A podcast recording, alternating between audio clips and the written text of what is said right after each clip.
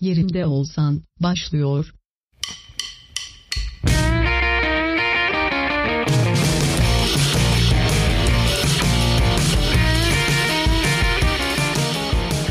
Hanımlar ve beyler, Yerimde Olsan'ın 6. bölümünün kaydını dinlemektesiniz.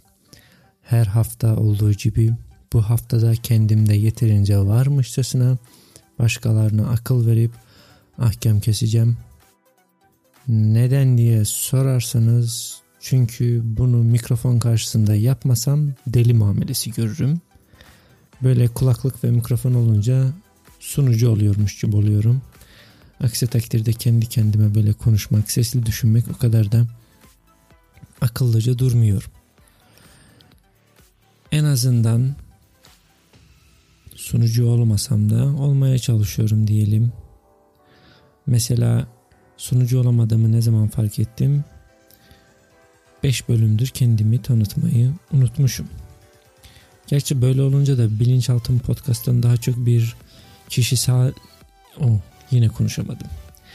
Kişisel terapi yapıyormuşum gibi oluyor. Kendi kendime anlatmak, kafamı boşaltmak. Bazı dinlerde var ya hani gidip pedere günah çıkartmak gibi bir şey. Böyle kendi kendime konuşunca bir rahatlamış oluyorum. Ee, böylece gelecek haftada bir rahat, böyle bir relax geçiyor. O kadar da stresi falan olmuyor çünkü hafta bitince gelip böyle beynimi boşaltacak, düşüncelerimi etrafa püskürecek bir böyle düşüncelerimi konuşacak bir mecra buldum yani. Böyle bir rahatlama veriyor insana. Hafta demişken artık yeni bölümü dinlediğinize göre bu demektir ki bir haftayı daha selametle devirdik. Ve çalışan her modern insan gibi hafta sonuna gelene kadar bitse de gitsek diye bekledik, umut ettik. Bazılarımız, inançlı olanlarımız hatta yalvarmış bile olabilir. Kim bilir. Ama umarım sizin haftası daha sizin haftanız daha renkli geçmiştir. Öyle fazla ağlayarak, bağırarak, yalvararak haftayı bitirmek zorunda kalmamışsınızdır. Benim haftamda gerçi birkaç öne çıkan e, durumlar oldu. İyi yönde öne çıkanları diyeyim. O detaylar saymazsak gerisi hep bildik şeyler.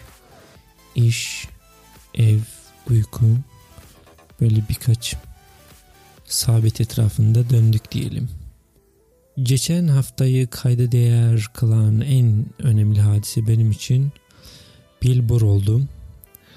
Eminim aranızda bazılarınız tanıyordur adamı ama tanımayanlarınız için kim bu adam derseniz bana göre kendisi henüz düşmemiş olan yegane kalelerden birisi yani ender kalelerden birisi efsane komedyenlerden en azından bana göre adam bilin bakalım ne yapmış Avrupa turuna çıkıyormuş ve ben adam Avrupa turuna olan biletler bitmeden bilet elde edebildim. Bunun mutluluğu ve sevinciyle geçen haftayı tamamlamış bulunuyorum. Aslında aslında hatta bu podcast'a başlamamın ilham kaynağı olarak da saymak mümkündür adamı. Yani Bilbur'u. Aksi takdirde tek kişilik bir monologdan oluşan bir yayın tarzı kafamda çok daha kolay kolay oturmazdım. Böyle o yapınca daha az deli işine benziyor bu. Yani tabii hmm, benden farklı olarak adam komik. işi bu komedyen. Onun için onun podcastı daha eğlenceli olabilir ama yani geçen bölümlerden bu yana artık hepimiz hem fikir olmuşuzdur ki yeteneksizlik insanı durdurmayacak kadar basit ve sıradan bir olay. Onun için fazla gerilmemek gerek. Yani bu podcast'ta tek kişilik sunmak konusunda daha farklı fikirlerim var. Belki gelecek bölümlerde ikna edebileceğim benim gibi boş beleş insanlar vardır ve onları da podcast'a dahil etmeyi düşünebilirim. Kafamda bazı şeyler var. Bakalım ne kadar mümkün olacak. En azından ha, hanımefendilerin perspektifinden olayları ele alabilmek için bir e, kadın co-host dahil etmek isterim işin içine ama e, artık modern dünyada bütün kadınların önemli işleri ve hayatları var. Kimse böyle boş işlerle uğraşmak istemez. Onun için onlar pek de umutlanmamak gerek. Belki ama kısmet işi bunlar belki olabilir. Bu arada komedi gösterilerinden Avrupa turundan konuşmuşken Cem Yılmaz'ı Avrupa turundan konuşmamak olmaz. Neden derseniz Billboard'a bilet bulmuşken o gazla hemen Cem Yılmaz'ın Avrupa turuna olan biletleri de kolaçan ettim. Ee, bir umut belki alabilir. Ona da girebilirim diye düşündüm. Tabii ki bu hayal. Bilet fiyatlarını görünce en azından e, bitmemiş olan bilet fiyatlarını görünce benim için Cem Yılmaz'ın bir lüks olacağını anladım. Bir şey dikkatimi çekti. Adam Billboard'dan daha pahalı bilet satıyor.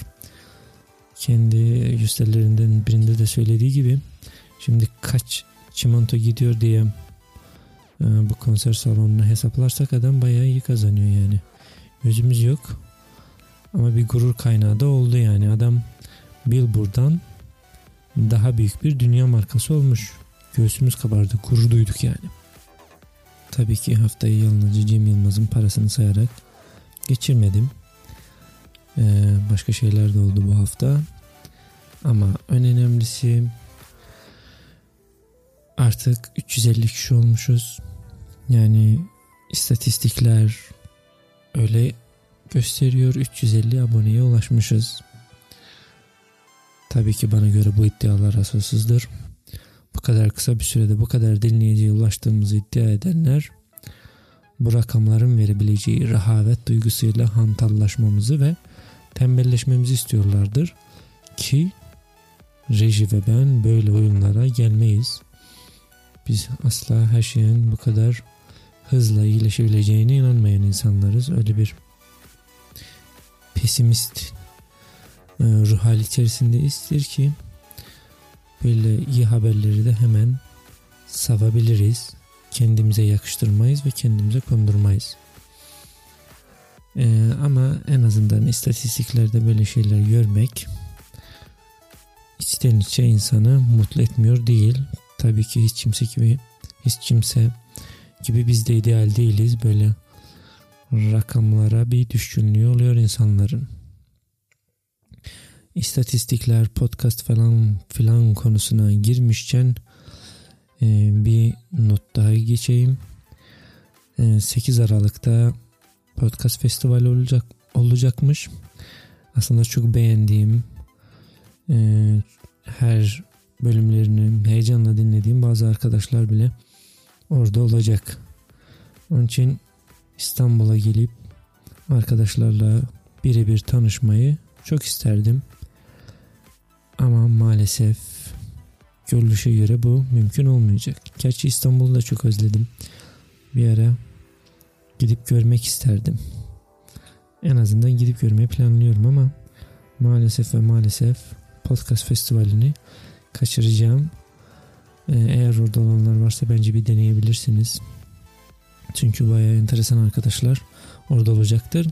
Ve en önemli kısmı bedava. Yani giriş ücretsizdir. Sadece kayıt olmanız gerekiyor. Ee, yanlış hatırlamıyorsam Power Türk sponsorluğunda veya onların e, yaptığı bir festival. Onun için internette öyle aratırsanız karşınıza çıkacaktır. Ben de bir link olmadığı için bölüm notlarını ekleyemeyeceğim. Neden gelemeyeceğim podcast festivaline onu da söyleyeyim. Çünkü biraz bu e, kayıtlarla falan da ilgili. E, ben o sıralarda işleyicili Amsterdam'da olabilirim. En azından öyle Amsterdam yolculuğu bir plan var. Eğer gezi sırasında fırsat olursa Instagram'a falan da story koyarım belki. Takip edenler görebilir. E, takip falan demişken anlat et yerimde olsan.com'a mail atarak görüş ve önerilerinizi, soru ve sorunlarınızı anonim olarak paylaşabilirsiniz. Kendinize bir rumuz seçin mail atınca ve bu rumuzu e-mailde belirtmeniz yeterli olacaktır. İsminizi falan fişten okumuyoruz burada. İlgilenmiyoruz da biz durumun vahim vahimiyeti veya ne kadar hmm, zor olmasıyla ilgileniyoruz ve durumu çözmeye çalışıyoruz. E neden peki bu az önce konuştuğum Amsterdam e, seyahati podcast ile ilgili? Çünkü o sefer sırasında kayıt yapma imkanım olacak mı bilmiyorum. İşte bu e, devamlılık konusunda bu işin ne, kadar sürdürebileceğim konusunda iyi bir sınav olacaktır. Bakalım sınavdan nasıl çıkacağız. Umut ediyorum ki fırsatını bulup bir yolunu bulup kayıtlara devam edeceğim. Çünkü gelişmenin başka bir yolu yok ancak devamlılıkla olabilir. Derdinizi anlatın derman olalım dedik ya. Hani terzi kendi söküğünü dikemez misali. Benim mesela geçen bölümle ilgili bir derdim oldu. Bölüm kısa olsun diye o kadar uğraşmışım, çok kadar kasmışım ki e, bütün hımları, sözcükler arasındaki o duraksamaları falan editte kesip atmışım. Ortaya robotik bir konuşma çıkmış. Sanki bilgisayar konuşuyor gibi. E, sanki Siri ile veya Alexa ile konuşuyormuş gibi bir görüntü diyecektim de bir ses kaydı çıkmış. Onun için herkesi memnun etmenin imkansız olduğunu anladım. Başta kendim memnun olmadığım için dinley kendim dinleyemedim. Ama gel gör ki garip bir şekilde geçen bölümün istatistiklerine bakarsak sonuna kadar dinlenmedi bütün bölümleri geçmiş bulunmakta. Demek ki sürenin kısa olmasının hakikaten de bir önemi var. Ama fazla kastırarak da öyle robotik bir şey olunca pek de anlamlı olmuyor zannımca. Siz ne düşünüyorsunuz? Belirtirsiniz herhalde. Zaten bu bölümün başındaki ses vardı ya. O da geçen bölüme gönderme olarak e, intro olarak koyma kararı aldım. Yani gönderme var arkadaşlar. Orada bir gönderme var. Fazla uzatıyorum yine. Onun için hemen bu haftanın konusuna, bu haftanın sorusuna dönelim. Karmaşık bir konu olduğu için belki bu kadar uzattım. Hiç e, insan cesaret edip de başlayamıyor sanki. Yine anında çeviri yapacağım. Bakalım bu defa nasıl mahvediyorum soruyu. Başlıyoruz. Erkek arkadaşım provokatif bir elbise giydiğim için benden ayrıldı. Geçen gece erkek arkadaşım e, benden ayrıldı. Çünkü ben odada başka insanlar olduğu halde elbisemi değişmeye başladım. Gerçi ben gardırop gardıroptaydım. Galiba bunlar zengin gardırop odaları var. Ya da ben çok fakirim bende yok. İşte kız gardıroptaymış. Parantez açmış diyor. Kimse beni görmüyordu. Yani kimse benim elbisemi değişirken e, görmedi. Yalnızca ben e, arkadaşlarla yani odadaki diğer insanlarla konuşmaya devam ediyordum ama kimse beni çıplak halde görmüyordu. E, ben gece kulübüne çıkmak için bir e, gece kulübüne gitmek için işte böyle seksi bir elbise giydim. E, elbise dar, daracıktı ve e, elbisemin hatlarını gösteriyordum. Aynada kendime baktım. Deri bir ceket giydim. Ve tam çıkmak isterken erkek arkadaşım beni bıraktı, beni terk etti. Sizin bu, bu konuda görüşlerinizi almak isterdim. Yerimde olsanız ne yapardınız? Şimdi konuya o kadar da kendimi hanımefendinin yerine koymadan dikkatimi çeken bir kelime seçimi oldu. Ee, provokatif bir elbise giydiği için ayrılmış erkek arkadaşı bundan. Anlamadığım şu ki hmm, kendisi mi bu kelimeyi seçmiş olayı anlatırken yoksa erkek arkadaşı mı böyle bir kelime seçmiş de şimdi hanımefendi onu kaynak göstererek bu soruyu yazmış. İşte aslında bu konuyu bilirse bu konuyla ilgili bir bilgimiz olsaydı e, hanımefendinin ruh haliyle ilgili daha fazla bilgiye ulaşırdık. Neden provokatif kelimesi prov provokatif sözcüğü dikkatimi çekti? Çünkü bildiğim kadarıyla bilerekten kışkırtma anlamına geliyor. Bir dakika hemen sözlük anlamına bakalım. Wikipedia tabi Türkiye'de yasak olduğu için ben sizin için okuyayım.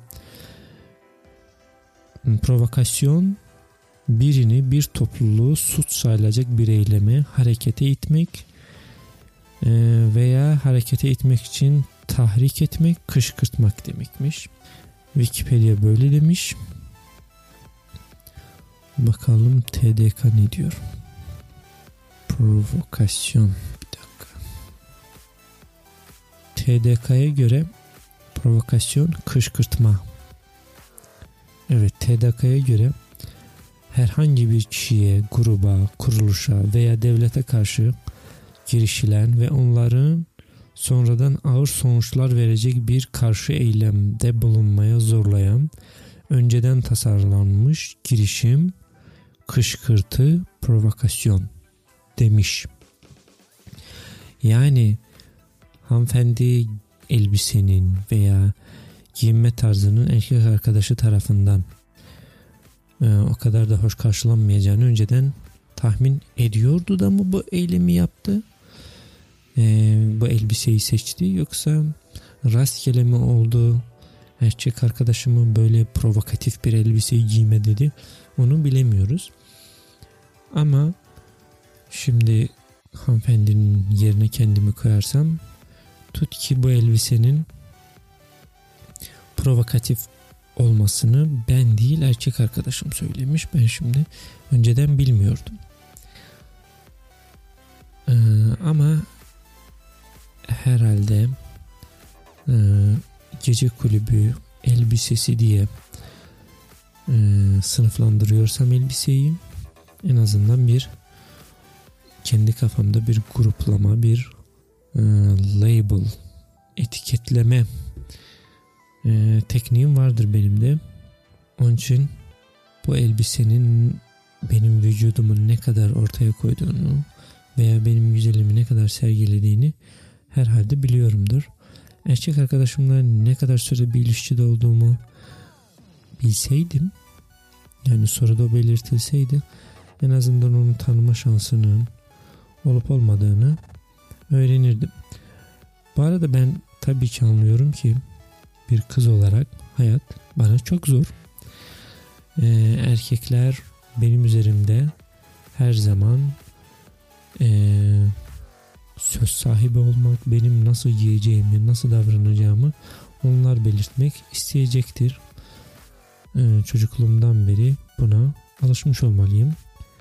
Türkiye'de yaşasam bunu e, çocukluktan itibaren e, hazırlıklı olurdum ama galiba Amerika'da yaşayınca çünkü bu soruyu soran hanımefendi e, tahmin ettiğim kadarıyla Amerika'dan çünkü Reddit'te sormuş. E, onun için belki orada bir sürpriz olarak görülebilir. Tabii ki anlıyorum böyle birisi ancak kontrolcü birisi olabilir. Ama burada e, küçük bir not düşmek isterim. En azından kendi hayatımdan yola çıkarak, örneklerden yola çıkarak kadınların bazıları kıskanılmayı seviyordu. Seviyordur, bazıları sevmiyordur. Yani erkeklerde olduğu gibi. Şimdi bu kızın hangi gruba ait olduğunu bilsek daha hoş olurdu. Çünkü o zaman elimizde bir bu elbisenin giymesine yönelik bir sebep olmuş olurdu. Biz erkek arkadaşımızı yani kıskandırmak için mi böyle bir yola girdik? Bak ben hala çok hoşum. Bak diğer erkeklerin hale dikkatini çekebiliyorum. Kendine bir çeki düzen ver. Ayı olma diye bir mesaj mı vermek istiyorum yoksa sadece öyle bir elbise giymek istediğim için mi elbise giydim? Ben bu konuya biraz odun olarak yaklaştığım için kadınların bakış açısından bakmak benim için o kadar da kolay olmuyor. Böyle tuzu kuru ahkam kesmek çok kolay.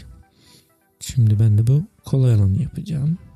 Önce düşünüyorum ki herhalde hmm, bu dünyanın olmasını istediğimiz gibi bir dünya olmadığını biliyorumdur. İsterdik ki tabi herkes istediği gibi hareket etsin. İstediklerini giyip istediklerini yaşayabilsin, seçebilsin. Ama bazen böyle olmuyor. Hayatımızı yaşarken dünyada farklı düşünceli insanların olabileceğini ve bizi dünyayı bize zindan edin edebilecek insanların da olabileceğini hesaba katmalıyız. Şimdi dünya istediğimiz gibi bir yer değil. Onun için elbiselerimizi giyerken de dikkatli olmak zorundayız. Acaba e, şimdi benim kısa veya dar veya hmm, nasıl diyeyim dikkat çekici bir elbise giymeme karşı olan erkek arkadaşım kendine güvensizliğinden dolayı mı bunu istemiyor yoksa nedir bilemiyorum. Öte yandan şimdi bu e, çifte standart olayı var ya biz insanların bizi e, nasıl giydiğimize göre değerlendirmemesini istiyoruz ama biz insanların nasıl giydiğine göre değerlendirmiyor muyuz acaba? Mesela iş görüşmelerinde, günlük profesyonel hayatımızda, iş yerlerinde, o tıkılı kaldığımız plazalarda insanların nasıl yediğiyle ilgili onları sınıflandırmıyor muyuz acaba? Yani bir evsiz bize yaklaştığında onun giyim kuşamından onun nasıl bir insan olduğunu veya hangi sınıfa ait olduğunu veya ona nasıl davranacağım, davranacağımızı onun giyim kuşamına göre kararlaştırmıyor muyuz acaba? Yani bu çifte standart nedir? Onu anlamak isterdim. Ama mesela şimdi soruyor ya yerimde olsanız ne yapardınız? Ben eğer bu kadar kendime güvenli bir hanımefendiysem aklıma gelen ilk şey şu an Instagram hesabı açar ve fenomen olurdum. Yani çünkü orada cesur olmak yetiyor ya sanatsal falan takılılması aslında boş beleş. Biraz yoga pant giyerdim böyle. Tight'larımı giyerdim. Squat yapardım. Ve fotolarımı belli açılardan çekip videolarımı belli açılardan çekip Instagram'a yükler. En popüler tagler neyse onlardan koyar. Şey kasardım işte. Like falan kasardım. Sponsorluklar falan olurdum yani. Çünkü Instagram neden Instagram diye şimdi sorabilirsiniz. Çünkü Instagram her birimizin hayalindeki o ideal dünya. Ben de Instagram'a çok bayılıyorum. Her şey çok pürüzsüz, çok güzel, çok estetik.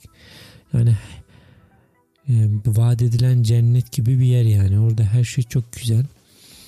Onun için ben de beni hak eden, benim bu dünyaya bakışımı hak eden insanlarla beraber birlikte olmak isterdim.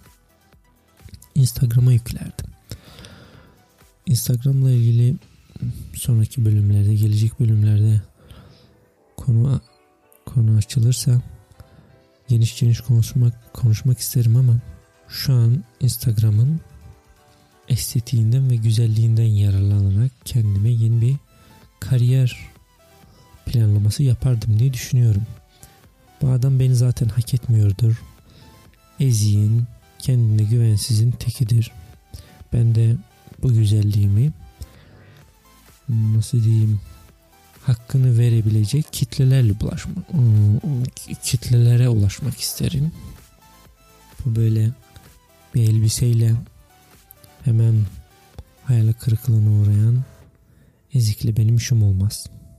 Bu arada konudan bağımsız olarak bazı porno sanatçılar da Instagram'a geliyor. Birini de ben takip ediyorum bir çift.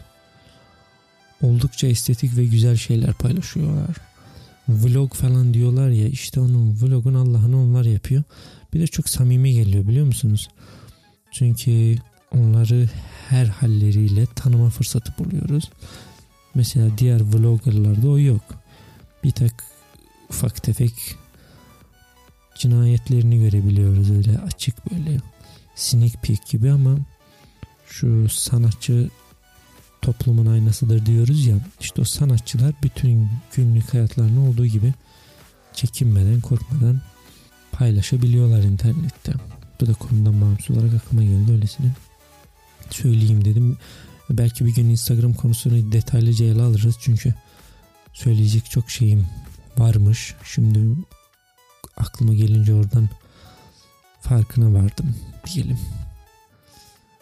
Şimdi kadın bakış açısından bu konuyu değerlendirmek görüldüğü üzere o kadar da başarılı olmadı. Çünkü anlamıyorum neden neden bu kafa karışıklığı. Bir de e, hanım abla da çok az bir bilgi vermiş.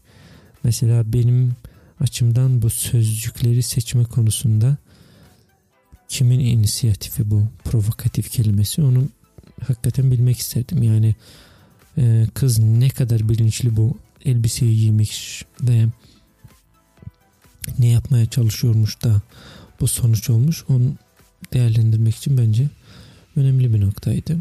Ama şimdi burada da victim blaming etmek istemiyorum yani kurbanı e, suçlama. Suçlamıyorum ama erkek bakış açısından olayı ıı, değerlendirmek bence en kolayı. E, çünkü ıı, bence Dave Chappelle'in umarım bazılarınız tanıyorsunuzdur. Aksi takdirde ben çok yaşlı olduğumu ele vereceğim. Dave Chappelle de bir komedyen. Onun çok eski bir gösterisi vardır. Bulursam bölüm notlarını eklerim de. Adam e, ufak bir benzetme yapıyor. Metafor. Ama yani bu haklıdır demiyorum. Sadece erkek bakış açısından e, konunun neden karmaşık olduğunu, neden kafa karıştırıcı olduğunu söylüyor. Sketch yanlış hatırlamıyorsam kabaca böyle. Diyor ki e, nasıl giydiğinize göre sizleri değerlendirmek tabii ki doğru değil.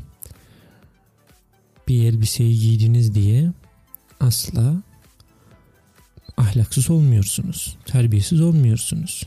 Tabii ki bu böyle. Anlıyoruz. Ama mesela düşünün ki ben polis üniforması giymiş sokakta geziyorum.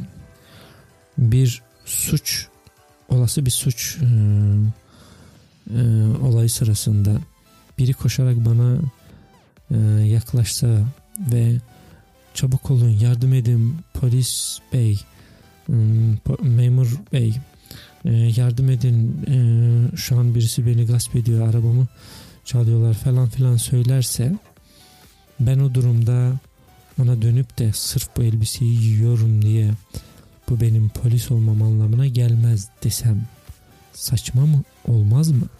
Şimdi tabii ki siz ahlaksız olmayabilirsiniz ama giydiğiniz elbiseler bazen fahişe üniforması gibi bir şey oluyor. Yani aslında adamın söylemeye çalıştığı e, insanların bilinçaltı olarak görüntüsüne göre diğerlerini değerlendirmesi konusu mantık olarak aslında bunun böyle olmaması gerektiğini bilsek bile İşte bazı üniformalar var ki o üniformaları hak eden insanlar giymesi akıl sağlığı açısından daha kolay olabilir. Saçmaladığımın farkına vardığım için artık bölümü kapatma zamanı gelmiştir. Buraya kadar dinlediyseniz teşekkür ederim. Hangi malzeme? Hoppa. Bak işte uyku artık kendini belli ediyor. Buraya kadar dinlediyseniz teşekkür ederim. Hangi mecralardan dinleyebileceğinizi öğrenmek için yerimdeolsam.com adresine gidin. Ee, Apple Podcast'ta, Spotify'da, Google Podcast'ta ve diğer mecralarda e, dinleyebileceğiniz e, linkleri orada bulabilirsiniz. Mail listemize abone olabilirsiniz. Sosyal mecralarda Instagram'dır, Twitter'dır, Facebook'tur, YouTube'dur, tırdadır. Hepsini de oradan bulabilirsiniz. Ee, geçitleri. Bir haftanın daha sonuna geldik. Hadi kapatıyorum.